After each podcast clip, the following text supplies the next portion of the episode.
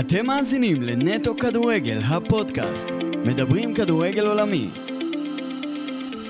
שלום, ברוכים הבאים לעוד פודקאסט של נטו כדורגל, כאן באולפני פודקאסט סטודיו בראשון לציון.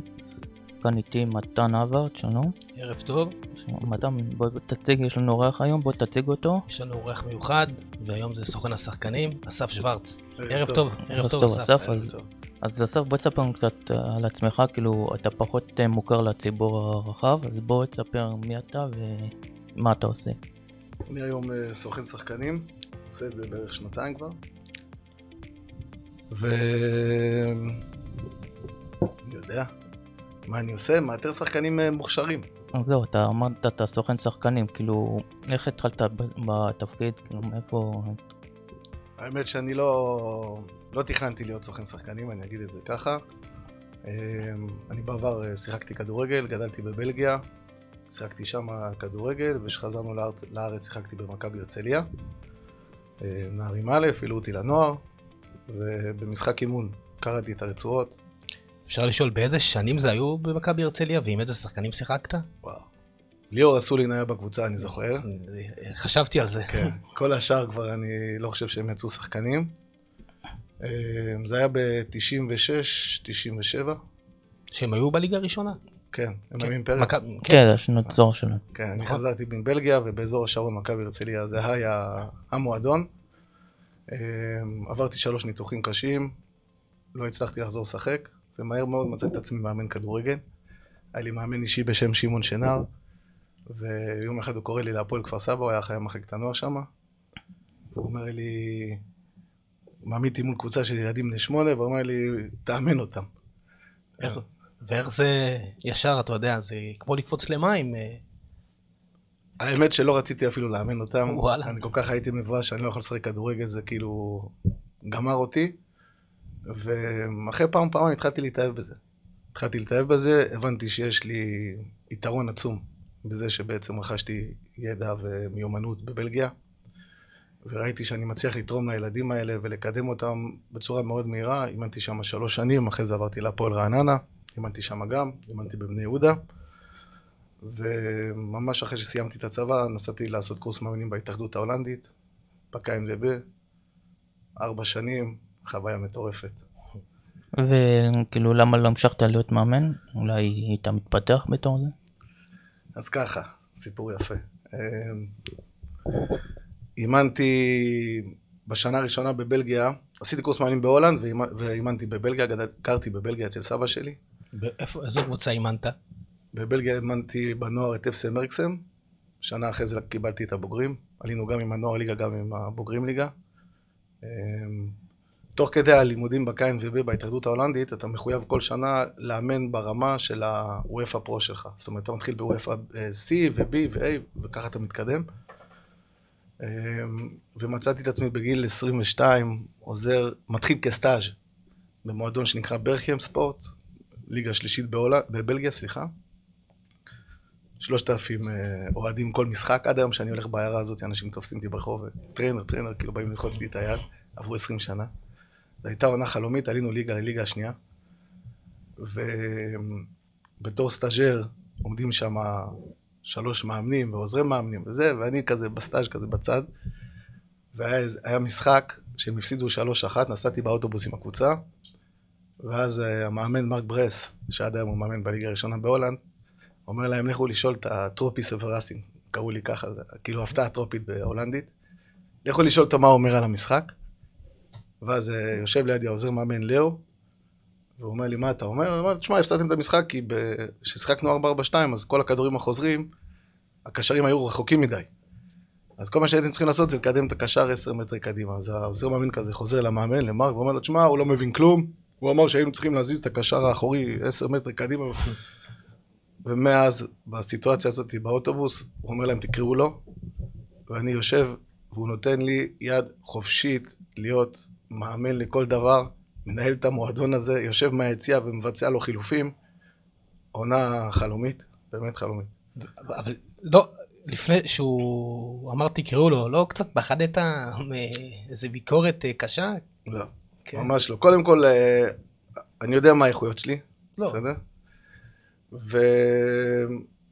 אני ראיתי שהוא לא מבין למה, למה אני מעיר לו את מה שהערתי לו, זאת אומרת, גם ידעתי להסביר לו, זה היה מאוד ברור, ברגע שמשחקים על כדורים ארוכים, הכדורים נופלים, הכדורים לא נשארים באוויר. אם הקשרים 40 מטר מהכדור, כל הכדור שני, כל כדור שני אתה מפסיד, ואז הקבוצה היריבה תוקפת אותך. ברגע שהוא הבין ש, שיש לי את הראייה הזאת, ואני יכול גם לתרגל את זה באימונים איתו, זה היה, זה היה ממש, הלימודים הם באמסטרדם, ואז בימי שלישי הייתי חוזר מה, מהלימודים, היה נגמר כבר האימון, מרק היה קורא לי, אומר לי, תראה לי מה למדתם. זאת אומרת, הוא, הוא היה מאוד צמא לידע, הוא היה שוטר אגב. באמת? זה היה, כן. הוא היה שוטר במשרה מלאה ומאמן במשרה חלקית. לאחר ההצלחות, היום הוא מאמן 16 שנים בליגה הראשונה בבלגיה. והוא פשוט נתן לי, הוא הבין שאני מבין, והוא נתן לי יד חופשית להכל. להחליט על זרים, להח... באמת, כאילו להכל. עונה מדהימה, עלינו ליגה, הרבה בזכותי לדעתי. ותפסו את הקבוצה על חוזים כפולים. הורידו אותנו שלוש ליגות. באמת? כן. וואו. ודי נשברתי, חזרתי לארץ, ואז ניצן שירזי שמע עליי ונתן לי את הזל. כן. ונתן לי את הפרויקט בבני יהודה הוא לחוזה לשלוש שנים, לאמן שם במחלקת הנוער, באמצע זה לא כל כך הסתדר עניינים פוליטיים. ובאיזה תקופה זה היה בבני יהודה? 2003, 2005, וזו תקופה שהקבוצת הצמרת הייתה דווקא מצוינת. גם במחלקת נוער, במחלקת נוער. אימנתי את לירוי צעיר, עידן מורי, הבאתי טל בן חיים מהפועל כפר סבא. היו לי שחקנים, שחקנים, הייתה קבוצה מדהימה, עונה מדהימה, אני חושב שהפסדנו בגמר גביע להפועל תל אביב, ביברה שם לנו שני גולים. כן. כן. אה, אבל עזבתי באמצע, ואז אה, חזרתי הביתה לאשתי ואמרתי לה, או שאת חוזרת איתי לבלגיה, או שאני לא מתקרב לכדורגל הישראלי. כן. ההבדל אה, שמיים וארץ. מבחינת גם תרבות וסדר, לא? אוקיי. קודם כל, סדר ותרבות זה... זה, זה- זה מעניין, אבל... אפשר, אפשר לפתוח את זה באהבה, אני פה בשביל זה, אבל אה, עוד מעט ניגע בזה. כן. אה, אוקיי. אז אה, חזרת לבלגיה ושם כאילו לא רצית להמשיך כאילו להתפתח או ש... ישבתי שם אחרי שהתפוצץ החוזה, ישבתי עם קבוצה בשם MVV, הם היו אז בליגה השלישית בבל- בהולנד, וישבתי עם היושב ראש, והוא הוא אומר לי, אני יודע שאתה קבלן עליות, אני לא רוצה לעלות ליגה, אני רוצה לשחק 4-3-3, אני רוצה שכל העיירה תבוא למשחקים, ולא אכפת לי מהרצונות שלך, אבל אם אתה רוצה לאמן פה, זה במה טובה לשנתיים שלוש, ואני פשוט לא מסוגל, אני, שאני, ברגע שאני עולה למגרש, גם אם זה עם חברים, ואני לא יכול לרוץ יותר, אתה רוצה רק לנצח. אני חייב לנצח. אני לא יכול להפסיד. פר- כן, כן. פר- פרפקציוניסט. כן. וטוב בוא נגיע עכשיו איך כאילו התגלגלת להיות סוכן כאילו מאמן אני, אני עזבתי את הכדורגל 14 שנים, לא התקרבתי, שמרתי על קשר עם חלק מהשחקנים, פתאום מצאתי את לירוי בבלגיה, במכלן וזה, אבל לא, לא התעסקתי בזה ביום יום, היו לי עסקים, ובקורונה נסגרו לי כל העסקים. ולגמרי out of nowhere פתאום מתקשר אליי חבר שעשה איתי קורס מאמנים לפני 20 שנה כמעט ואומר לי, אסף, האח שלי הוא שחקן כדורגל בדיכרבסקאפ, סיים גיל נוער, והוא מחפש אה, קבוצת בוגרים. הוא לא יהיה שחקן גדול באייקס באיינדהובן. נסה למצוא לו קבוצות, שיטייל בעולם, יראה עולם, יחסוך קצת כסף וזה. ב- אבל בליגה ההולנדית או לא חייב? לא, לא, לא, לא. הוא רצה לבוא לטייל בעולם. כאילו, אוקיי. הוא, אמר, הוא הבין שהקריירה שלו היא לא תהיה במועדונים הגדולים, והוא אמר, אם אני לשחק ליגה שנייה בהולנד, אז אני מעדיף לעשות שנתיים בישראל, בקפריסין, ב... בכל מיני מקומות. היום הוא משחק אגב באירלנד, השחקן, והוא התקשר וביקש שאני אעזור לו, ואמרתי לו, תשמע, אני כבר לא בעניינים, אני לא בתחום כל כך. פחות... אה, אז הוא אמר לי, תעזור לו בכל זאת. והבאתי אותו פה למבחנים, בשתי קבוצות בליגה לאומית, והוא לא התקבל. יכול להיות בגלל שהייתי סוכן מתחיל. אמ, אבל הוא שחקן טוב, הוא היה יכול לשחק בליגה הלאומית בקלפו. ואחרי שפעמים אומרים לנו לא, הוא אומר לי, תשמע, חבר אחר שלי סגר בקבוצה בקפריסין, קח את הטלפון של היושב ראש וסגור לי. עכשיו זה בקורונה, שאני אפילו לא רשום עדיין בהתאחדות בתור סוכן מורשה, והוא מבקש ממני לעזור לו. אה, מהר מאוד אה, הרמתי טלפון לבחור הקפריסאי החמוד הזה, ואני אומר לו, תשמע, יש לי פה שחקן, וזה הוא אומר לי, וואלה, אני מחפש קשר, קשר שמונה, תשלח לי אותו. והוא נסע לשם, סגרתי לו את ההסכם בוואטסאפ, כן. חתם בקבוצה, נתן שם עונה אחת. אה, היום הוא משחק בליגה האירית, ליגה הראשונה. חושב שהוא נהנה מאוד, אחלה שחקן. אתה יכול להגיד את השם? כן, שנדע. טייס טימרמנס. אוקיי, נזכור. רגע, אני רוצה לחזור, אמרת 14 שנה לא היית בכדורגל? כן. כאילו, למה, מה קרה? כאילו, מה, זה קרדיקה אותך הסיפור הזה? אמ, בוא נגיד את זה ככה. אני בן אדם שיודע מה הוא רוצה, יודע מה היתרונות שלו, יודע מה החסרונות שלו, ואם אני מרגיש שאני לא יכול לתת את כל כולי למה שאני עושה, או מפריעים לי בדרך, או מתערבים לי בכל מיני דברים, אז אני לא, אני מעדיף לא לעשות. ואחרי אגב שעזבתי את, ה, את, את הכדורגל, אז התקשרו אליי גם מהפועל תל אביב, רצו שאני אאמן שם את הנוער, ופשוט סירבתי לכל, לכל הצעה שקיבלתי. מה אתה אומר, מה, זה עד כדי קו שבור? תשמע, המרצים בקורס מאמנים שלי היו ככה, רונלד קומן, פרנק דבור, אמ, שחק... מאמן פחות, פיגור. מאמן פחות מוכר, כמו ריימונד ורייל למשל, שהוא הוא בדיוק חזר עם, עם חיוסידינק מהמונדיאל בדרום קוריאה, שהם לקחו מקום רביעי אני חושב. כן. לא בדרום קוריאה, באפריקה, דרום אפריקה. לא, לא, ב-2002. 2002. כן, כן, כן. או, כן. סליחה. זה דרום קוריאה ויפן היה. כן, כן, כן, כן, כן, כן. לא משנה, לא משנה. אני התבלבלתי. הכל בסדר, מותר לעשות. נכון. בקיצור, אז אה, ריימונד ורן זה בחור מבריק, שהוא בכלל לא היה קשור לכדורגל, והיום כל השחקנים והמאמני כושר עובדים לפי השיטה שלו בכל העולם, אוקיי? הוא שינה, הוא התחיל עם, ה, עם ה stretching, המתיחות, פעם היו, שחקן היה עומד ב, ועושה מתיחה סטטית. מחזיק את הרגל ומותח את השריר אחורה. הוא גילה שבפועל שחקני כדורגל לא, לא באמת מותחים את השריר ב-100%. אז הוא התחיל עם, ה, עם המתיחות הדינמיות, שהיום כל העולם עושה את זה. אז זה היה, הוא חזר מהמונדיאל עם כל התורה של ה... יש לו סייקל של שישה שבועות, בחור מבריק, מבריק. פעם שחקן כדורגל טרום עונה, היה רץ עשר קילומטר סביב המגרש, זה אימון כושר, ואז היו מגבירים לו את זה, אבל בפועל השחקנים לא רצים בשום שלב במשחק, יותר מספרינטים של חמש או עשר מטר. רוב הזמן הם הולכים, נכון. וכשהם רצים, זה כאילו ספרינטים ל... חמש מטר, כן, עשר מטר. שזה הספרינט- גם אה, צריך לדעת לעשות את זה טוב. כי- הספרינט שנמדד הכי הרבה במשחק אז, בקורס מאמנים, זה היה של רוברטו קרלוס, שהוא שיחק בריאל מדריד, זה היה 25 מטר בתור מגן תוקף. רוב הספרינטים של שחקנים, תלוי באיזה תפקיד, כן? אבל רוב הספרינטים הם ספרינטים מאוד קצרים. החוכמה היא, ארסטל, היכולת שלהם להתאושש מכל ספרינט. זאת אומרת, הכושר נמדד לא בזה שהוא יודע לעשות עכשיו 15 קילומטר, אלא בזה שהוא יכול לעשות ספרינט אחרי ספרינט אחרי ספרינט ב-100% capacity, מבלי שזה יפגע לו במהירות. זה לטווח קצר, נכון? הספרינטים האלה. יש, אה, זה כמה פרמטרים, כן. Mm. יש את, ה, את היציאה מהמקום, ואז את הספרינט, ואז 5 מטר, 10 מטר, ומה שמדיד בכושר הגופני בכדורגל זה הזמן שהם מצליחים להתאושש ממקסימום התפוצצות, וכמה זמן לוקח להם, 30 שניות, 10 שניות. האם Mm. שחקן יכול לעשות 10 ספרינטים של 10 מטר ברצף באותה מהירות למשל? אז כל הדברים האלה, הבן אדם הזה שינה, זאת אומרת, היו לי את המרצים הכי, אני הייתי יושב עם העיניים פקוחות ובהלם, שאני, שאני לומד מהאנשים האלה כדורגל, ואז באים לי פה בארץ ומתחילים להגיד לי, טוב שזה, שחק. לא ניסית להסביר להם? בדיוק, לא ניסית להסביר להם כל מה ש... לא, ניסיתי, אבל לא כל כך הקשיבו לי. לא מקשיבים כן. פה, אה? הבעיה, תחשוב שבגיל 22 הייתי עוזר מאמן של מועדון שעלה ליגה, ליגה מקצועית בבלגיה, שהמאמן, אני זר מבחינתו, בסדר? אני ישראלי, ופה בארץ משלמים לי כסף להיות מאמן ואף אחד לא מקשיב. אז כן, תרבות אחרת, אין. כן. כן. לקח שנים כנראה להיות. אוקיי, ונחזור עכשיו לתפקיד. כאילו, אתה אומר 14 שנה, פתאום אחרי ההמלצה שלך, מה... החלטת לעזור? יש לך חיידק לחזור לכדורגל? התחלתי בקטנה, זאת אומרת, בהתחלה זה היה קצת עם זרים ובגישושים ולהבין, ואז מהר מאוד גיליתי שבעצם אני, אני רוצה לבנות את זה כפלטפורמה רחבה ו- ומאוד יסודית, כמו שאני יודע לעשות.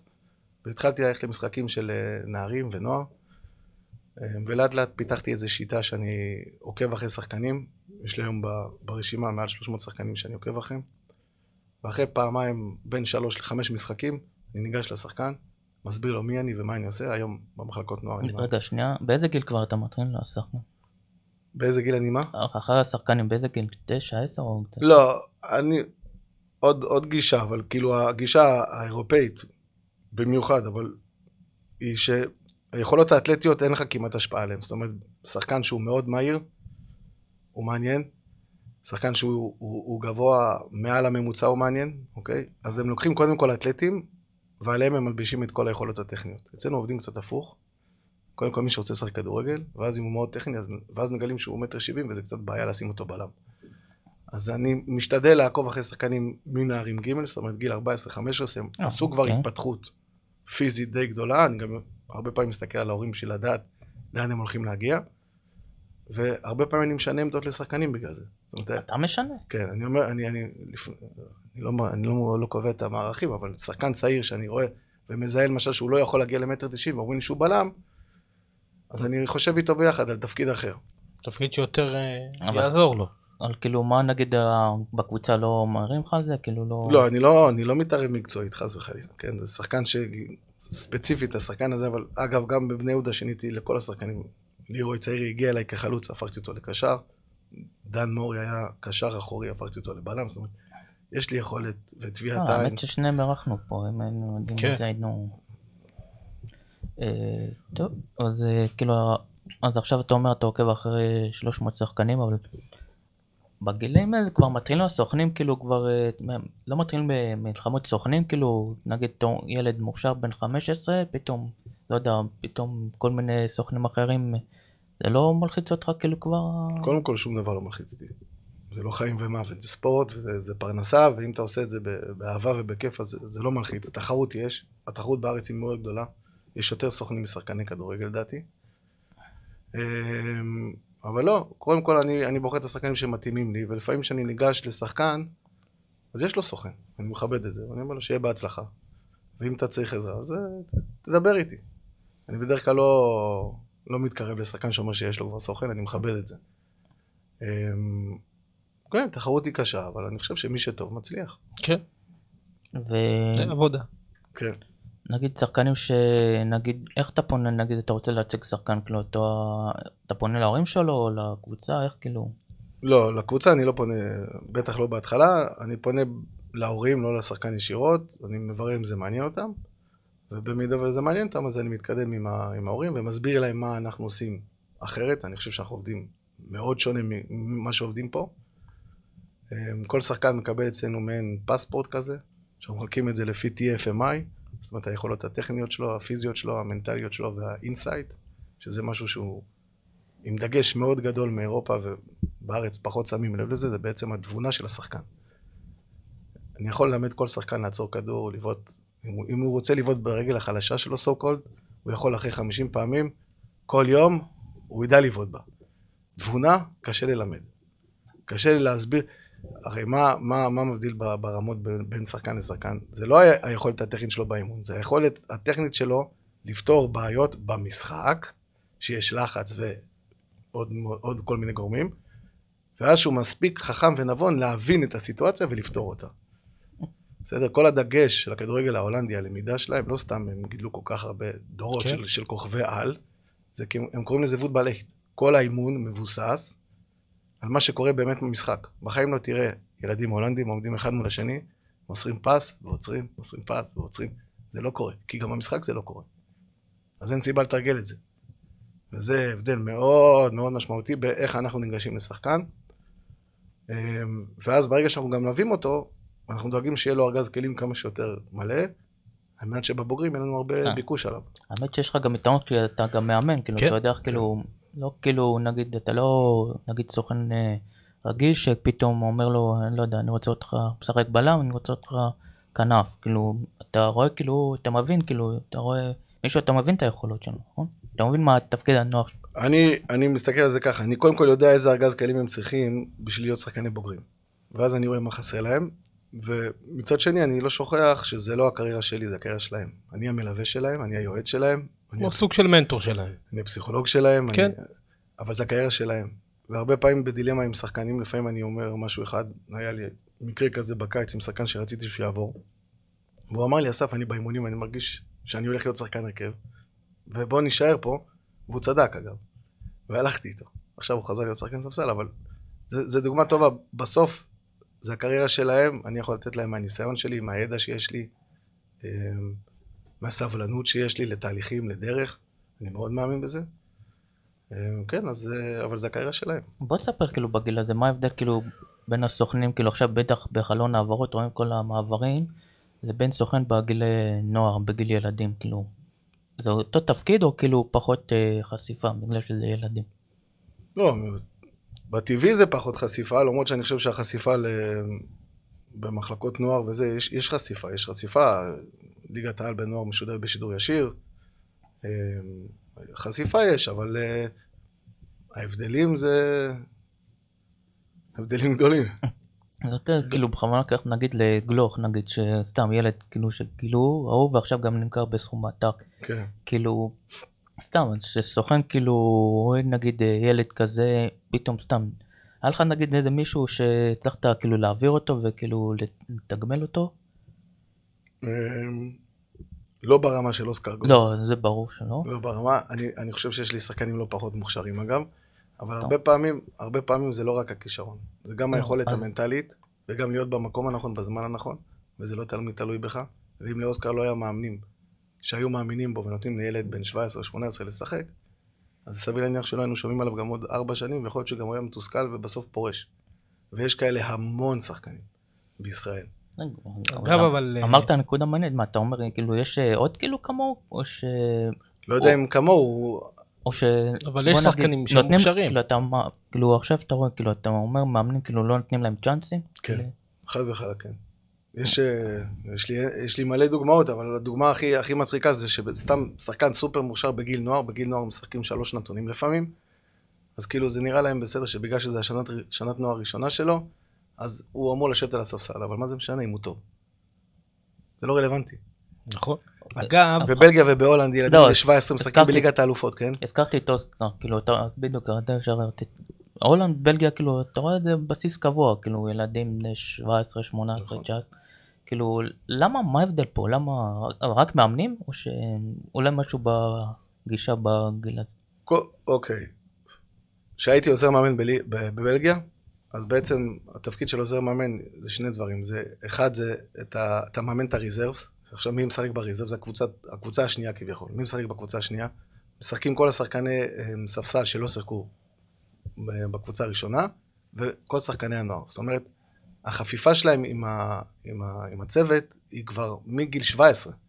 ואתה רואה את השחקנים רוכשים ככה ניסיון, הליגת מילואים בבלגיה ובהולנד ובצרפת ובגרמניה עוזרת לשחקנים להתפתח. הבעיה שפה בארץ לדעתי, זה... סליחה שאני קוטע אותך, אבל זה חלק מהטעות במ- בארץ שכבר אין יותר ליגת מילואים. אפשר להפוך את גביע הטוטו לליגת מילואים. כן, היה בעבר בליגת מילואים, אבל... אה, אני, אני זה חושב... יעזור, גביע טוטו, עם כל הכבוד, כמה זה שלושה משחקים? כן, זה שלוש משחקים. לא, אבל אז זה, זה משחקים שהמאמנים, יש, כשאתה עובר מגיל נוער לבוגרים, יש קפיצת מדרגה מאוד גדולה. פיזית. טקטית, מנטלית, פתאום אתה משחק מול שחקנים בני 29, 32, הם בנויים פיזית, הם, הם מכירים את המשחק, הם מכירים את כל התרגילים הקטנים, ואז אתה מסיים גיל נוער, עם כל התחרותיות, התחרותיות בליגת העל גיל נוער, היא לא משווה לכלום לליגת העל או לליגה לאומית, ואז אתה מוצא שחקנים סופר מוכשרים, מגיעים לליגה א', ופשוט פורשים. כן. יש המון שחקנים כאלה. אז למה, מה- מה הבעיה פה? למה כאילו זה קורה? אתה רוצה שאני אפתור את כל הבעיות של הכדורגל הישראלי? לא, אבל תעשה מהנקודת מבט שלך, כי היית שם. אני, אני חושב, קודם כל עניין של, אה, אני תמיד אומר, סדר, משמעת והתמדה. זה המפתח לכל דבר. לימדו אותי את זה בגיל 6 בבלגיה. לא, יש, יש סיפור מעניין. הייתה לי מורה במתמטיקה בכיתה ה' בבלגיה, והייתי לא תלמיד כזה מבריק. ופעם אחת קיבלתי 100 במתמטיקה, בטעות. באמת. טעות, כן. אבל מה, את כל התשובות שלי רשמתי על דף שורות ולא על דף משבצות. אז היא חיכתה לסוף השיעור, ואז בבלגיה מקריאים את הציונים בפני כל הכיתה, והיא עוברת את כולם, ואני אומר, מתחילים ב-100 ומגיעים ל-60 ול-40, ואני אומר לעצמי, מה, אבל היה לי, היה לי מבחן טוב, למה אני מקבל, כאילו, איך אני לא, איך לא מקריאים את השם שלי? ואז היא, היא מוציאה את הדף שלי האחרון, והיא רושמת, היא מראה לי 100 ומוחקת, והיא רשמה לי 0. ואני מתחיל לבכות. ואני אומר לה, לא אשכח את השם של המורה הזאתי. ואני אומר לה, אבל למה? כאילו, עד שכבר קיבלתי 100, למה את נותנת? היא אומרת לי, כי אתה צריך לדעת לרשום מספר בכל משבצת. ואימא שלי באה למנהל, ורצתה להפוך את הבית ספר, ואמרו לה, גברת, תעמדי בחוץ, למה אנחנו נקרא למשטרה. עד היום שאני רושם מספרים, אם אין לי דף משבצות, אני לא רושם את זה. אז בתור ילד זו הייתה טראומה לא טובה. אבל אני יכול להגיד לך שיש משמעות לסדר. הם, הם, אני שקיבלתי את הנוער במרקסם, למשל, קיבלתי פספורט על כל שחקן, מה הוא עשה בכל גיל, איפה זה היה? ב-FC מרקסם, בבלגיה. ידעתי בדיוק מה הם עשו, מה הם עברו, במה הם טובים, במה הם לא טובים. הכל כל כך מתודי, למרות שזה מועדון חצי חובבני. אבל שתבינו את הרמה. כן. פשוט הכל מסודר, והם לוקחים כל דבר באחריות, ויש לזה גם חסרונות, כן? הם מאוד מאוד מאוד מרובעים. אני יכול לתת- לתת לכם דוגמה, בקורס מאמנים היה רונלד קומן הגיע, ועשה לנו אה, תרגול של בעיטות, והגיעו, אני חושב, מחלקת הנוער של טוונטה או של יוטרחט, לא זוכר בדיוק, בני 16, ואני מסתכל באימון ואני אומר לעצמי, בואנה, אנחנו הרבה יותר טכניים, הרבה יותר טובים מהם, וזה, נתנו לי להעביר את האימון, ואז אני מראה להם שאני, הוא יראה משהו אחד, ואני מראה להם שאני רוצה לעשות משהו אחר. אמרו לי, לא, אסור. אני אומר להם, למה? מי אמר שאסור? הם, הם מרובעים ברמה אחרת, אבל הקיבעון הזה מייצר להם התמדה מתמשכת. ואז בסוף זה, בסוף זה כדור, שני שערים, מגרש, אם אתה עושה מספיק חזרות על הדברים, יש לזה צדדים טובים ולא טובים. נכון. כן, אבל- צריך למצוא את האיזון יכול להיות. אני חושב שאנחנו צריכים למצוא זהות לפני איזון. אנחנו נכון. צריכים להפסיק לחכות אה, מקומות אחרים. אה, אגב, בקורס מאמנים הזה בהולנד התקבלו 40, ומתוכה 40 היו 13 בלגים. ושאלתי אותם, מה אתם, מילא אני כאילו רוצה ללמוד פה, אבל יש לכם התאחדות בבלגיה, למה? אז הם הסבירו לי, בשנות האלפיים בלגיה הייתה על הפנים. נכון. ואז ההתאחדות הבלגית יצאה במבצע שכל מאמן שעושה קורס מאמנים או בהולנד או בבלגיה, לא, או בהולנד או בגרמניה, בקולן שמה, מקבל משכורת 13.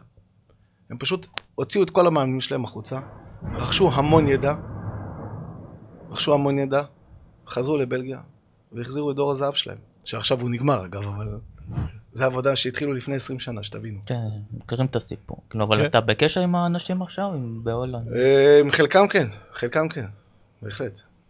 אוקיי, בוא קצת נגלוש, הזכרת בלגיה, אז כאילו, מה, כאילו, מה קרה להם במונדיאל האחרון, דעתך? כאילו, ממש אה, נגמר. הסוס. לא, אבל כאילו, את- אנחנו לא רואים כאילו דור המשך, כאילו, הזכרת, היה להם דור זהב, נכון. ש- אבל כאילו, למה כאילו הם ממשיכים, כאילו, זה כאילו פרויקט אחד שהם הצליחו, אבל כאילו, נראה כאילו אין דור המשך, כאילו, ש... לא כמו השחקנים של עכשיו, לפחות שייצר עוד איזה שניים, שלושה כל איזה... בסוף לא משנה כמה ידע יש לך וכמה ניסיון יש לך, אתה תלוי בכישרונות שאתה מקבל ובאיתור שלהם. אבל עד כדי כך אין. זה כאילו, גם פה זה כאילו קיצוני אבל. כן, זהו.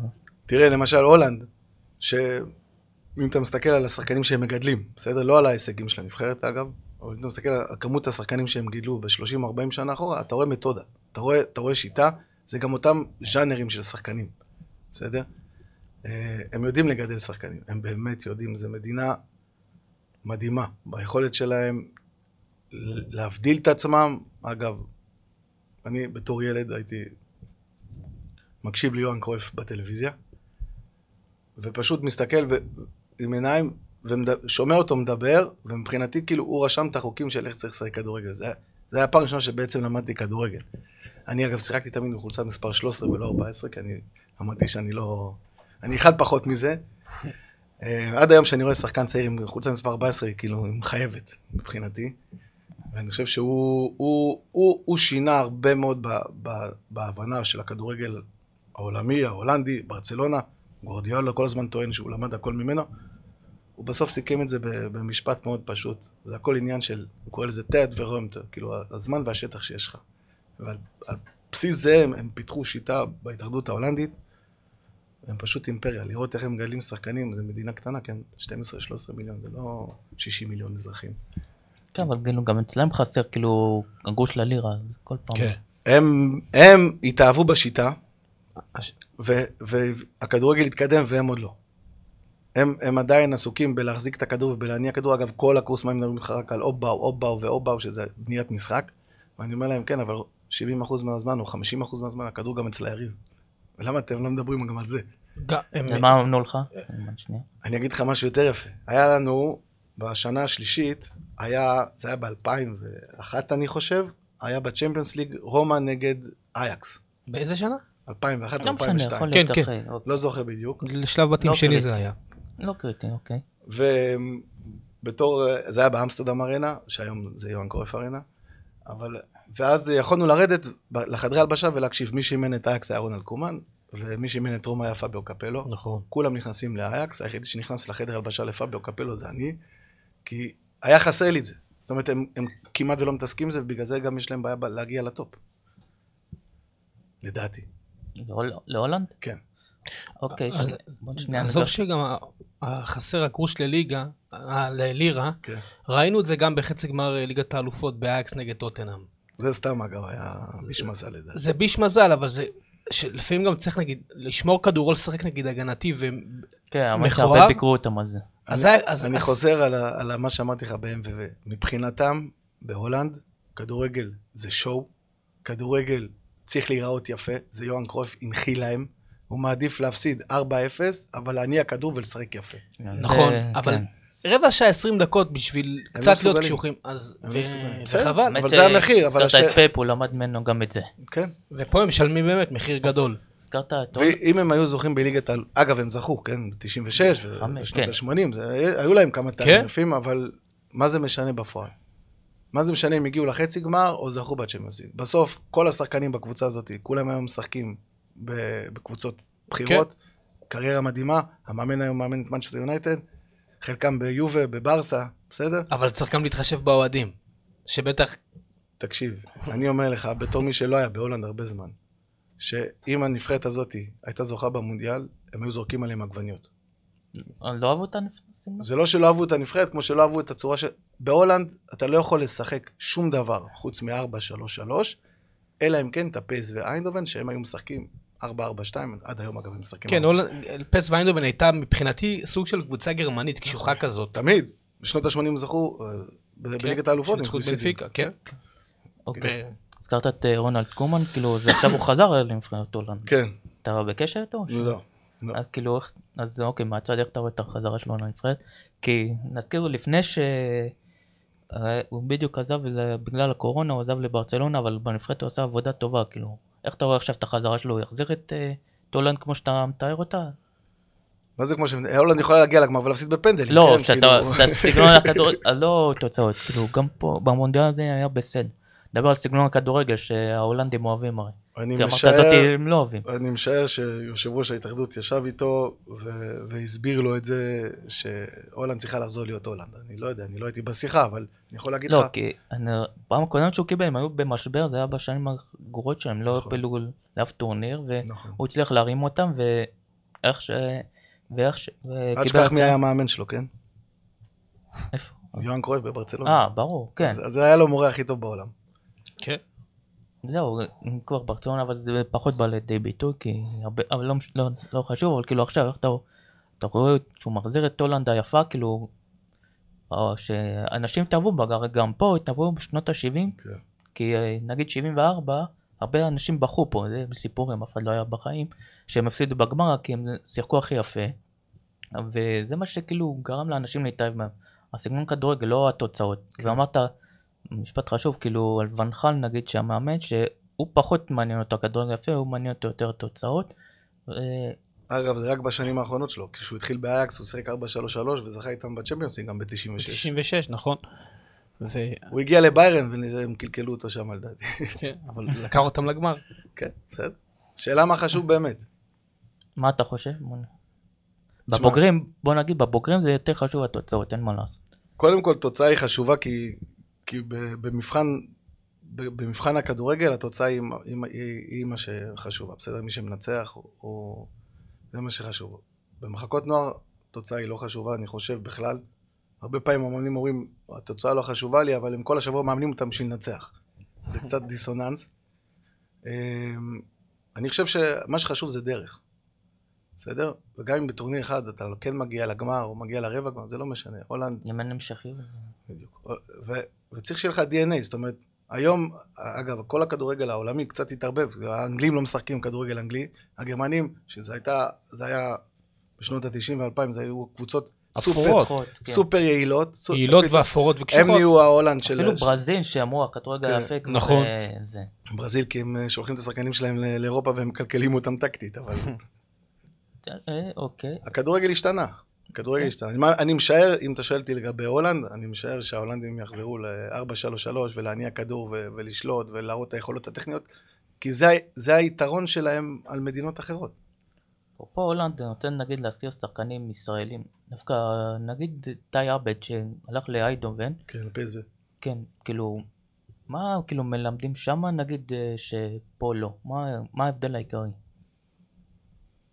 תראה, קודם הוא הגיע בגיל נוער, זה כבר, אה, זה, זה סיום הלימודים הייתי אומר, אבל אה, עיקר, כל- בהולנד למשל, עיקר הדגש שלהם הוא על וודבלק, זאת אומרת על, על מצבים אמיתיים שקורים במשחק, ולהבין אותם, ואז לפתור אותם טכנית. או פיזית, או גם וגם. אה, אני חושב שבארץ יש דגש מאוד גדול על היכולות הפיזיות של שחקנים, ועל ניסיון. אבל אם לא ייתנו להם לשחק, אז לא יהיה להם ניסיון בחיים. ואין סיבה שפה, בגיל 22-23 אתה נחשב לשחקן צעיר, ובגיל 30 אתה כבר שחקן מבוגר. תסתכל על הקבוצות, על השחקני ההגנה בליגה האיטלקית, כולם בני 34 פלוס. תסתכלו בליגת האלופות על המועדונים כמו ברוש שהגיעו עכשיו רחוק, כן. אייקס, ילדים בני 17-18, אבל בגיל 12 הם כבר שיחקו במחצית במשחק, והם רגילים כבר לקהל, כי הכינו אותם מגיל 8 לזה. ושעובדים בצורה מאוד מתודית, ועובדים בצורה מסודרת, ואין אגו, וכל אחד מבין שהוא חלק ממערכת. פה הרבה פעמים אנחנו גם סוכנים, גם מאמנים, גם יושב ראש של מועדון וזה, אנחנו לא הצגה. השחקנים זה הצגה, הקהל זה הצגה, וצריך לעזור להם. אני חושב שיש הרבה מאוד שחקנים צעירים שצריכים לקבל את הבמה. אוקיי, טוב, נחזור לפה. אין כאילו איזה איש בכיר בכדורגל, נגיד, שאתה בקשר איתו ואתה יכול להסביר לו את הדברים האלה? כי נגיד, יש לך ניסיון הרי, וכאילו, בטח, לא הקשיבו לך כי בטח אתה לא איזה מישהו מוכר, אבל כאילו, אין איזה מישהו שניסית להסביר לו, שאולי הוא יעביר את זה, הוא... תראה, אני, אני, אני הפסקתי לנסות להסביר לפני 20 שנה. אני היום שמח במה שאני עושה. אני מסביר את זה כל יום לשחקנים שלי. היה לי שחקן לפני... ביום ראשון. ששם שני שערים, הכריע את המשחק, ואז הוא רץ אה, לדגל קרן ועשה איזה חגיגה כזאתי. התקשרתי אליו אחרי המשחק ואמרתי לו שהיה לו משחק מצוין, וכעסתי עליו שהוא היה צריך לבעוט. אה, הוא היה צריך לבעוט ברגל שמאל, והוא, בא, והוא כדרר ואמרתי לו שנה הבאה לא תוכל לעשות את זה. ואז אמרתי לו לגבי החגיגה, אמרתי לו זה, זה אתה וזה בסדר, אבל אני אומר תבוא קטן תצא גדול. אני רוצה להאמין שהוא הבין למה אני מתכוון, אבל uh, אני דואג לשחקנים שלי היום, זה מה שמעניין אותי. אני לא, לא בא לתקן כלום, אני לא יודע אם הוא מקולקל, אני לא יודע אם הם רוצים להקשיב גם. Uh, אני, אני רואה השפעה מאוד גדולה על היכולת שלי להשפיע על השחקנים שלי וללמד אותם, אני עורך להם וידאו, אני יושב איתם. כל שחקן אה, שאני מחתים אותו, אני שואל אותו, את מי אתה מעריץ? ואז אנחנו מסתכלים על השחקן הזה, ואם הוא משחק בליגת האלופות או במונדיאל, אז אני לוקח קטע של דקה וחצי, ואז מראה לו איך הוא משחק, אומר לו, אוקיי, בוא ננסה לחקות את זה. כי בסוף, אפשר ללמוד המון מווידאו ומלחקות. סתם, הרבה מאמנים כאילו היו עושים את זה לפני משחקים או באימונים. הזכרת לחכות, יש מישהו שנגיד שנתן לך תשובה לא פופולרית, כאילו מישהו כזה, לא, לא נגיד מסי רונלדו או אמבפה, אבל כאילו שחקן כזה די אה, פחות בזרקורים? לא, הם, הם, הם כולם, הם. הם הולכים לא. ל, ל, ל, לזרקורים. אגב, גם אני, מישהו נתן לך נגיד שם של בלם אולי? כן, יש לי בלמים שנתנו לי שם של בלם, אבל יש לי, אה. נגיד, יש לי, יש לי בלם שאני אני תמיד רוצה שהם יחפשו שחקן שהם מעריצים, שדומה לתפקיד שלהם, כדי שנוכל לראות מה הוא עושה, ואיזה ארגז כלים לא יש, ומה חסר לנו, ועל זה אנחנו עובדים. ונדייק. ונדק, אה, אה. כן. דוגמה להרבה ילדים, אני מאמין, בהולנד. בהולנד, בישראל, כן. זה אגב, זו דוגמה מדהימה, כי זה בלם שכל המערכות scouting, לא של אייאקס, לא של PSV, לא של פיינורד, אף אחד לא גילה אותו, לא ראה אותו, לא חשבו שהוא יהיה שחקן, הוא בא מ-out of nowhere. הוא הגיע לסאוטהמפטון, מאיפה? בגלל לסלטיק גם. הוא הוא התחיל בסלטיק, אני נכון. חושב, לא, ובהולנד הוא גדל ב... ואז הוא עבר בווילם לסאוטהמפטון. נראה לי, הוא היה וילם ב- טווי, בווילם כן. טווי, נכון. כן, היה לו אבל איזה בעיה, כאילו בגיל 20, לא לא זוכר את הסיפור, אבל היה לו איזה, אמרו איזה, לא, כאילו, כן, כמו שהזכרת, הוא פרץ די מאוחר, זה לא בלם שסימנו אותו בגיל... אה, לא, הוא, הוא היה מפוס, מפוספס כן. בנבחרות, ב- בכל האקדמיות, אף אחד לא, לא ראה אותו. בתור אחד שחי את הכדורגל בהולנד, ורואה לפעמים אה, את אה, אח של קרויף שהגיע לאמן את ביתר, ורואה את שרי שמככב לא, ב... אח של לא, קומן. אה, אח של קומן, סליחה. לא, ג'ורדי... וג'ורדי שהיה במכבי תל אביב. עשה עבודה מדהימה. כן, האמת שהעלה את ה... לדעתי הוא שינה את העלה את הכדורגל הרף, הישראלי. העלה פשוט את הרף. פה- ב-2012 שהוא הגיע. לא, הוא כן. שינה כאילו עד היום, זה כאילו... שאלה איך, מתייחסים לזה קודם כל בהולנד, והאם האמנת בכלל לשלושת השמות האלה שציינתי כרגע, איך שיגיעו. תראה, ההול... ההול... ההולנדים מאוד, אה, בהתנס... ב... ביום יום שלהם הם מאוד מתנסים, זאת אומרת, זה... הם... הם מאוד מזכירים לי את הישראלים של אירופה, הם מאוד מחזיקים מעצמם, אה, ודי חוצפנים כמונו. אה, מבחינתם ישראל זה מדינה... לא, אנחנו לא מפותחים בעליל, במיוחד כן. בכדורגל. כן. השאלה, הם אומרים, בואנה, זה רואים שלושה שמות, רואים שלושה. שמות רציניים, אני, אני, הכדורגל ההולנדי. אני חושב שיש הרבה דברים חופפים בין השחקן הישראלי לשחקן ההולנדי, והמבדיל העיקרי ביניהם זה ההכשרה שהם עברו במחלקות הנוער. אבל מבחינה טכנית, ההולנדים הם מאוד uh, יוזמים וסופר טכניים, מאוד דומים לאוסקר גולוך למשל, בסדר? שחקנים כאלה, ויש יש הרבה כאלה במחלקות הנוער. שלא תתבלבלו. אפרופו הזכיר עוד מישהו, אז כאילו, עוד מישהו, כאילו, בנפלאות הצעירות זה יהיה לחוסר, הוא גם הולנדי, כן, לחוס. אז כאילו, גם הוא אפשר, אומרים שהוא עושה, כאילו, הוא שינה פה די, כאילו, אתה רואה את הנבחרות, זה כאילו, גם הצלחה שלו, זה עוד איש. כן, אבל זו הצלחה שלו שלא לא תורמת לכדורגל, כי בסוף, למה? ה- כי כאילו- נבחרת הנוער שהגיעה לגמר, כמה מהם משחקים בליגת העל או בליגה לאומית? אני אגיד לך, מאוד. אף אחד. לא, יש אוסקר. מי? לא, עכשיו לא. רביבו זה... רביבו עכשיו עבר, נכון, לא לא. בהרכב, אבל הם משחקים. לא, רביבו עכשיו שחק, שיחק, כן, אבל כן. אבל זה ילדים שאין סיבה שהם לא ישחקו. לא, בסדר, אי אפשר להאשים אותו, אבל אתה רואה את. הנבחרות, יש. בהפועל חיפה את החלוץ שלהם שמשחק. גם ילד ששיחק אה, קיצוני, אם אני לא טועה, בנבחרת. יש את אה, לא. בהפועל תל אביב גם משחקים. כן, אה, הקשר הבלמים. האחורי. נכון? לא, יש את איך- למקין. ואיך קוראים לו השני? לא, שני בלם. לא, למקין והחלפתי את ישראלוב, נכון?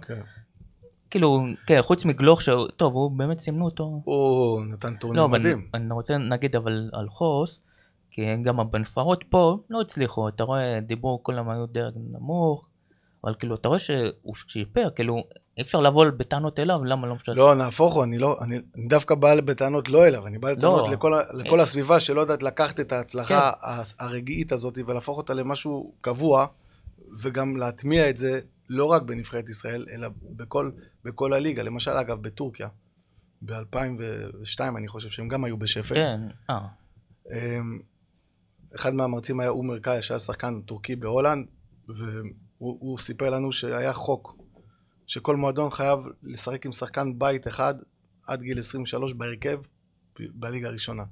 הם פשוט לקחו מלא כסף והתחילו להשקיע במחלקות נוער, הביאו מאמנים הולנדים, בלגים, גרמנים. תראה איפה הם. מבחינתי, אם קבוצות בכירות שלנו, כמו מכבי תל אביב, מכבי חיפה, הפועל באר שבע, כל הקבוצות שמשחקות באירופה, יצליחו שנה אחרי שנה אחרי שנה, לא להגיע לגמר, לא להגיע לחצי גמר, אבל לשחק כמו שמכבי חיפה שיחקה בליגת אלופות, להגיד זה הכדורגל שלנו, אנחנו באים לשחק, ולשמור על זה ברצף של ארבע שנים, שמונה שנים, עשר שנים, כמעט בסיום בלתי. כן. אבל הזכרת את מכבי חיפה, אז גם כאילו, הנה, הזכרת כדורגל יפה, הנה, כאילו, קיבלו תבוסות בסוף, גם כאילו, אבל מה זה משנה אם אתה מפסיד 1-0 או 7-0? אין, אתה עם 0 אה, זה נקודות. עדיין זה... לא, פחות השחקנים האלה רכשו ניסיון, הבינו איך לשחק ברמות הכי גבוהות, ואם אותה קבוצה תצליח לחזור שנה הבאה ליגת אה, ברור, זה ייתן להם... הם ישחקו את הכדורגל שלהם, והם לא יקבלו שבע. תאמין לי. לא, בהתחלה, לא, דווקא, אצלם דווקא הם התחילו, כאילו, הפסדים מכובדים, אבל דווקא בסוף, כאילו, הגיעו הם תבוסות. די איבדו את זה בסוף, כן. כן, אבל אין, אין כזה דבר הפסד מכובד. בסוף, לא, כאילו, אתה יודע, הפסיד שלוש אחת, או... מה זה משנה? עדיין, כל הכבוד יש פערי רמות, אתה לא מצפה לנצח, או אפילו הצליחו לנצח, אבל עדיין זה... לא, לא משנה. זה משנה מסיבות אחרות, מסיבות אה, תקשורתיות, בוא שפשוט... אה, בוא נגיד סתם לגבי מאמנים, שפה כאילו מפטרים הרבה מאמנים, אם אתה מפסיד גם אחד... שם מפטרים אגב. פשוט לא אכפת להם. שפחות פחות מפה. לא, לא, אולי בתדירות קצת פחות. לא, אבל- נגיד עכשיו סתם, אייקס הרי היו במשבר, אפשר, נכון. אתה רואה, איזה פתאום. אבל נגיד, מאמן מפסיד 1-0 או 5-0, אין מה לעשות. אבל זה הסיבה, המאמנים מפחדים על, על, על הג'וב שלהם. משחקים אבל- טקטי. כן, זה לא רק טקטי, הם בוחרים שחקנים לפעמים פחות מוכשרים, שיש להם יותר ניסיון, ואז אתה לא מקדם שחקנים צעירים. זה הכל נכון. ביצה ותרנגולת. מצד שני, זה- רוצים פה תוצאות אחרי יומיים. אה, הכל אה, קיצורי דרך. אה, פה, לא רק שהכל פה קיצורי דרך, אבל גם, למה אני אומר כאילו בעיה נגיד של תקשורת וזה? יש הבדל גם גדול בטח בהולנד מבחינת תקשורת לארץ, לא? לא. אין הבדל? שמה, אני מבחינת לחץ? הם לא הפסיקו לשחוט את הנבחרת, גם בהולנד, גם בבלגיה, בסדר? לא הפסיקו, אוקיי. והם רוצים תוצאות בצורה יותר מנומסת. אוקיי. לא, נגיד, אבל גם שולחים מאמנים הביתה, כאילו, התקשורת. שולחים, כן. כן, שולחים. אבל מאז ון פרסי לא היה איזה כוכב גדול בהולנד. תקן אותי אם אני טועה, לא היה איזה מישהו, אתה יודע, שאפשר להגיד, שהוא ככה דגל ו... יש והולכים- עכשיו את קודי גאקפו. קודי גאקפו, אבל הוא גם צעיר עדיין. כן, בסדר. בגיל- בגיל שלו... הוא הוא עתיד להיות, אבל... אפרופו גם איך הולנדי, תדע. אפרופו הולנדים הזכרת, אבל כאילו, אלה שלא דווקא, לא יודע, הם די נתקעו, כאילו, כן. דה ליכט ודה יונג ו... מאז המסע עם אייקס. כן, כאילו, אגב- אתה- אגב, כאילו- אני חושב ש... לא, דיונג לא נתקע, אני חושב כאילו, שהוא משחק- הוא- לא בתפקיד שהוא צריך לשחק לדעתי, בסדר, מה- קטונתי, אבל לא, הוא... אתה יכול להגיד, הוא- אה, לא שש בעיניים שלי, הוא יותר שמונה, הוא- הוא שחקן כל כך קריאטיבי, למה הוא צריך לקבל את הכדור 70 מטר מהשער? שחקן כזה מוכשר שיודע לייצר מצבים, הייתי רוצה אותו 40 מטר מהשער למשל. דיברו על זה שבאירופה זה נכנס שם מאוד חזק, העניין הזה ששש הוא כבר לא גרזן.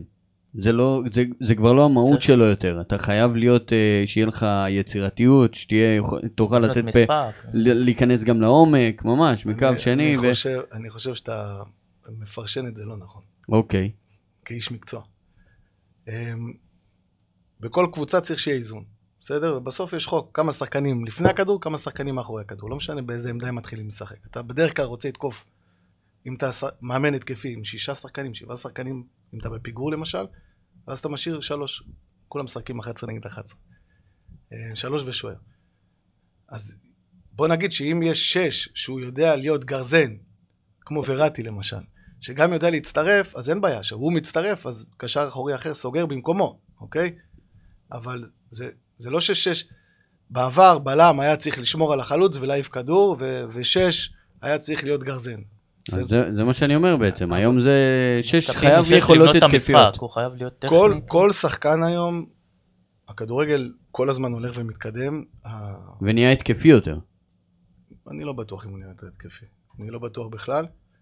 אמ, אבל הדרישה מהשחקני כדורגל היא, יותר ויותר ויותר כל הזמן. והיום מצפים מבלם שידע לתת מסירות בין הקווים ולהניע כדור, אבל גם עשו את זה בשנות ה-90, פשוט אז זה לא היה כזה בולט. רונלד קומן היה מוסר כדורים בברצלונה על 70 מטר, והם לא היו רק עסוקים בלהניע כדור מאחורה, בסדר? כי הרבה פעמים כשאתה מניע כדור על היריב, והיריב מעין עושה אוטובוס או בונקר, כמו שקוראים לזה אצלכם בתקשורת. הרבה פעמים, הרבה פעמים זה כי הקבוצה ממשיכה ללחוץ, ואז היא לא מאפשרת לקבוצה השנייה לצאת. אני למשל הייתי מעדיף, אם אני רואה שהכדור לא נכנס, שיניעו קצת כדור. הם יבואו קדימה, יש הרבה שטחים מאחורה. לא תמיד, זה, לדעתי, זה נכון ללחוץ על היריב. אבל אתה. היית, אתה בתור אחד שגם שיבץ, גם ראה, לא היית מעדיף שש שיש לו יכולות התקפיות, שיש לו יצירתיות ברגליים, שיכול לראות משחק, יש לו, יש לו vision מטורף לדה יונג. כן, אבל, אבל בחלק ההגנתי הוא מפריע להם הרבה פעמים, ואז הם צריכים לשחק עם, עם שמונה, שהוא שש בפועל, אז מה עשית בזה? בסוף מישהו צריך גם להרוויח את הכדור. ואתה כן. לא רוצה שהבלמים יהיו אלה שירוויחו את זה. אז זה, זה מעין... זה- אבל אין ספק שהפוטנציאל של דיונג, לעומת מה שהוא נותן עד היום, יש פה, בעיה- יש פה פער. אה, זאת אומרת, הוא היה אמור לתת הרבה יותר, ציפו ממנו להרבה יותר. כן. אני- זה שהוא הגיע לברצלונה זה לא... מבחינת מספרים, מבחינת היכולת, לא, תשמע, הוא לא אחד הבולטים, הוא ימכרו לא לא. הוא לא אחד הבולטים גם באירופה. אני חושב שאם ישנו לו את העמדה ויביאו לו שש, שיעשה לו את העבודה השחורה, ויפנו אותו להניע כדור ולשלוט בקצב ולמצוא את השטחים המתים, הוא יבוא הרבה יותר לידי ביטוי, אבל יש להם מאמן, אה, מאמן טוב, אני חושב. כן, קצת מבין כדורגל. כן. טוב, בוא נחזור קצת אליך, כאילו, אתה סוכן כבר שלוש שנים כבר? שנתיים. שנתיים. אה, ונגיד, הרבה היום מדברים שחקנים כאילו גם על הצד המנטלי שלהם. לא יודע, לפעמים משברים, המאמן ככה, לא מרכיב אותו, פתאום משחק לא טוב. אתה, אתה כאילו גם בנושא הזה עוזר לשחקנים? כאילו פנה אליך מישהו, כאילו, לא יודע, שהוא שבור, כאילו, כל הז... קודם כל, כן, כל הזמן הם פונים אליי. אמ, יש עכשיו איזה טרנד כזה של מאמנים מנטליים. אמ, תראה, כמו בכל דבר בחיים, היכולות המנטליות שלך הן חשובות, וזה כמו לאמן שריר, זאת אומרת, זה משהו שאתה צריך לפתח כל הזמן, אוקיי? חלק מ- מ- מלהתמודד עם משבר, זה להגיד, אוקיי, אני במשבר. אין דרך לברוח מזה. לא, ממש לא. אין- כן, כי- אין כי אם קיצורי לא- דרך. אם, אם לא, הוא חוזר המשבר. בסדר? נכון, זה- אין אין לשים על זה פלסטר. ואוקיי בוא נמשיך כאילו והרי אתה סוכן כאילו וסוכן הרי יש לו כמה קליינטים עכשיו יש לך 300 נכון?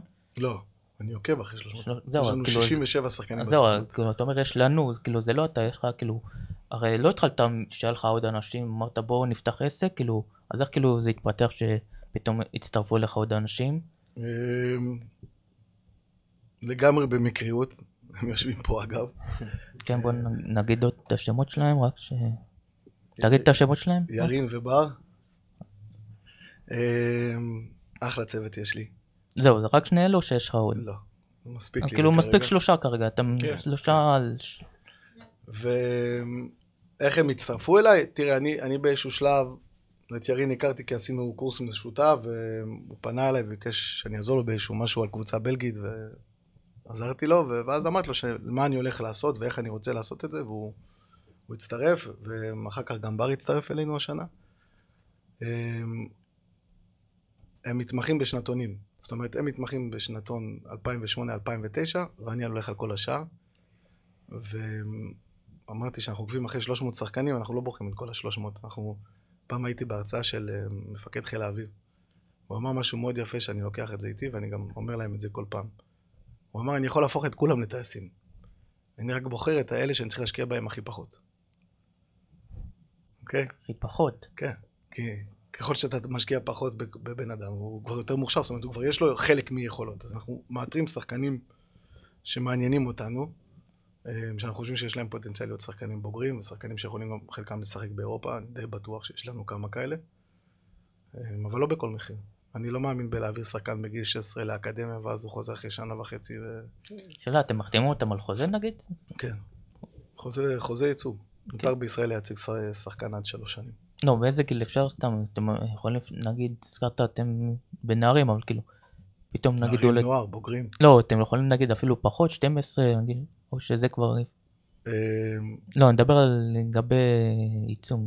אני לא סגור על מאיזה גיל, אני יכול להגיד שעד גיל 18 גם ההורים יושבים בישיבה, בפגישה, והם חותמים גם על החוזה, אבל הלקוח שלי זה השחקן. ונגיד שמישהו רוצה להיות סוכן, כאילו, צריך לעשות קורס בשביל זה, או שכל אחד... אה, תראה, היום בארץ, בכל העולם אגב, כי יש הרבה סוכנים כמו... כן, אבל בעבר זה היה שהיית חייב להיות עורך דין, ואז הורידו את זה. אני חושב שעכשיו פיפ"א מוציאה תקנון חדש לגבי מה, מה, איזה, איזה ארגז כלים סוכן אמור שיהיה לו. היום כל אחד יכול להיות סוכן, אתה לא חייב לעשות אפילו קורס. אז זה לא פורץ דרך, כאילו, כן. שכל אחד אה, יכול ללכת לתחום הזה? כן, אז מה, בסוף מי שטוב נשאר. טוב, בוא נדבר, והזכרת, כאילו, אתם כרגע בגיל נוער, אתם חושבים כאילו לבוגרים, יש לכם שני שחקני בוגרים, אבל כאילו, אתה רואה כאילו בתחום של הבוגרים גם מתחיל יותר הפרנסה וגם יותר החשיפה והשחקנים, כאילו, אתם חושבים כאילו, נגיד השחקנים האלה שעכשיו עוד חמש שנים כבר יהיו שחקני בוגרים. בוא נגיד שאם לא יהיו שחקני בוגרים, אני במקצוע לא נכון. אוי ואבוי אם לא יהיו שחקני בוגרים. לא, כאילו, אני אומר שהם ברגע שהם אה, מגיעים לבוגרים, אתם לא נוטשים אותם, כאילו, לא, לא, לא, המטרה שלי, אני, אני למדתי משהו מאוד מה, מהתרבות שגדלתי בבלגיה ובהולנד, זה העניין של, של דרך ושל שיטה ושל סבלנות, ובפועל הם יכולים לעזוב אותנו שנגמר חוזה. אני רוצה להאמין שרובם ירצו להישאר איתנו, כי אני חושב שהערך של מה שאנחנו נותנים להם, הוא שווה בשבילם, נגיד בלגיה והולנד, באיזה גיל כבר יש להם סוכנים? גם בגילאים האלה. קצת פחות פרוץ מפה, אבל גם בגילאים האלה. לא, נגיד סתם, אתם חושבים כאילו, אתה רואה נגיד מה הולך בבוגרים, כאילו יש הרבה מלחמות בין שחקנים על, על אה, סוכנים, כאילו בין שחקנים רבים מי ייצג אותו, כאילו, לא מפריד אתכם, אותך באופן אישי? שום דבר לא מפחיד אותי, אני חייב להגיד, אבל אמ, תראה, כמו, כמו שחקן ש, שהוא היום בלם פותח ומחר מביאים עליו זר, אז זה לא מפחיד אותו? הוא צריך להתמודד עם זה. אם הוא יהיה יותר טוב, הוא ישחק, הוא יהיה פחות טוב, הוא יושב על הספסל. אז אותו דבר. לא, ונגיד אתה כבר נכווית, כאילו, אתה לא מפחד מזה שוב, או שכבר, לא יודע, שפתאום עוד, פתאום יהיה לך- ג'וק, אתה אומר כאילו, אני רואה מה קורה, כבר נמאס לי. אני, אני חושב שהיום אני במקום שאני צריך להיות בו. היכולת שלי להשפיע על השחקן האינדיבידואלי שלי, שאני מייצג אותו, שאני אמור לדאוג לו לקריירה ולהתוות לו חזון, אף אחד לא יכול להפריע לי בזה. אז למה שזה, למה שזה ישתנה? ואגב, אמרת שאתה נותן להם את הארגז כלים, כל מיני דברים. כן. אה, לעומת סוכנים אחרים, שנגיד, אחד מהדברים האלה, גם... לא אמרתי לעומת סוכנים אחרים, אני לא יודע מה אחרים לא, עושים. לא סליחה. מעניין אותי מה הם עושים. לא, אבל זה, זה מאוד מעניין, ו... אתה, אתה, רואה, אתה רואה את זה, שהם מיישמים את זה לפחות? כן, אני יכול להגיד לך שלא רק שהם מיישמים, הם גם אחרי זה מדברים איתי בשפה. זאת אומרת, כן, בוודאי. ההשפעה היא עצומה, אחרת לא הייתי עושה את זה. אני עושה את זה כי אני אוהב את זה, אני עושה את זה כי אני טוב בזה, אני עושה את זה כי הם יכולים לקבל ממני המון, ואני רואה את ההשפעה הזאת במיידית, אחרת הייתי מפסיק עם זה. ברור. ואתה רואה את עצמך, כאילו בסוף כל, בסוף כל יום, אחרי העבודה הזאת, שאתה אתה גם מנטור שלהם, פסיכולוג, זה כאילו... אתה אפילו כמו אבא שלהם, אפשר כן, להגיד. אני במגרש אולי. לא משנה, אבא. אבל uh, אתה מדבר איתם, לא, הם- אתה, כן. זה פ- כאילו... זה... אני, איך שאני כאילו עכשיו רואה את זה מהצד, אומר, וואו, איזה סיפוק זה, כאילו, כל יום, אתה קם בבוקר, אני, אני ל- גם אוסיף עוד, כאילו, נגיד סתם, נגיד שסתם, לא יודע, שחקן מתוסכל מה- מהמאמן שלו, כן. נגיד, הוא יכול לפנות אליך, שומע, המאמן הזה, לא יודע, לא בא לי טוב, לא אוהב את התפקיד שלו, כאילו, הוא לא יכול, כאילו, אתה כאילו גם איש מקצוע שמבין את זה, בגלל זה סוג של אבא שכאילו, אתה מבין, כאילו, אם אבא שלו המקורי פחות בקטע של כדורגל. אגב, נגיד בסיטואציה כזאת שהוא אומר לי המאמן וזה, אז אני קודם כל, אני אומר להם, אני, אנחנו, בוא נדבר על מה שאנחנו שולטים בגורל שלנו. זאת אומרת, אני לא יכול לשלוט במשהו שמישהו אחר עושה. אני יכול לגרום לו, למשל, למאמן, להסתכל עליי בצורה אחרת, אוקיי? יש משהו שאני קורא לזה לחרות. לכל שחקן צריך שתהיה לו יכולת לחרות מה, במה הוא ייחודי. ולפעמים, כשאתה לא משחק, קשה, קשה להראות את זה. אז אתה צריך להראות את זה באימון, אתה צריך להראות את זה בדברים מאוד קטנים. והתסכול שלהם הוא כמובן, אני, אני הכתובת, אני יכול להגיד לכם שאני קם מוקדם בבוקר, ואני כל יום צועד 10 קילומטר, אה, זה שעה וחצי, בשעה וחצי הזאת אני מריץ את כל מה שאני צריך לעשות עם השחקנים, ומי צריך ממני חיבוק, ומי צריך לקבל ממני בראש. יש לי שחקני נוער למשל, שהחתמתי אותם על חוזה, שאם לא נכנסים שלוש פעמים בשבוע לחדר כושר, הם לא פותחים בהרכב. היושב ראש שהחתם, הוא היה בהלם. הוא אומר לי, בחיים לא ראיתי סוכן שמבקש שהשחקן שלו ילך לחדר כושר, ואם לא, הוא לא בהרכב. מבחינתי, אם הוא... שיתפו פעולה עם זה? כאילו... כן, אמרתי להם, מבחינתי, אם הוא לא ייכנס שלוש פעמים לחדר כושר, זה הפרת חוזה. לא, יש, לא כל קבוצה, כאילו... לא, אבל מראש אמרתי מה אני דורש. זה, אה. אגב, זה שחקן, אה, אמרת לקבוצה, אוקיי. לקבוצה, לשחקן, לאבא, לכולם. ואמרתי להם, זה התנאי שלי. כי זה שחקן מאוד מוכשר, שאני חושב שאם הוא יתפתח פיזית, אמ, כי עכשיו אין לו בעיה פיזית, בסדר? אבל כשהוא יגיע לגיל בוגרים, אז יהיה לו פער. ואת הפער הזה, אני כמי שיודע מה צריך שיהיה לו עוד שנתיים-שלוש, אני רוצה עכשיו לדאוג לזה. אז אה, זה, זה למשל אה, דוגמה, דוגמה טובה. כן, זה כאילו, יהיה לו. הרבה כן, יותר זה- קל... אה, אם הוא יתמיד. כן, זה- אני. בסוף לא יכול להרים את המשקולות בשבילו. זה נכון. אני יכול לייצר לו את כל ההזדמנות, נכון, אבל בסוף הוא צריך לרצות. אין קיצורי דרך. ונגיד כרגע לגבי הפרנסה זה כאילו, איך זה הולך? כאילו אתם לא מתפרנ- מתפרנסים מזה כרגע. אני היום עובד במשרה מלאה בזה, רק בזה, בשנה האחרונה אני עושה רק את זה, מתפרנס מזה. להגיד לך שאני רוצה להתפרנס יותר, כן, הייתי שמח אה, אה, שיהיו לי שחקנים שימכרו ב-7 מיליון יורו, ב-15 מיליון יורו, גם במיליון כרגע. גם במיליון, כן. חצי חצי. אבל אה, אני לא ממהר, זה יקרה. אני, אני בטוח שזה יקרה, ואני לא רוצה קיצורי דרך, ויש לי סיפוק מלא, לא הולכים עם זה לסופר, אבל אה, אין לי ספק שזה יקרה. לגבי שני החבר'ה שמלווים אותי, אז לצערי הם גם צריכים אה, להחזיק בעוד משרה, ואז את השישי שבת הם תזיזים איתי במגרשים, אז כן, הערכה גדולה. אה, אני משער שהם נהנים והם לומדים ממני גם כמה דברים. אוקיי, טוב.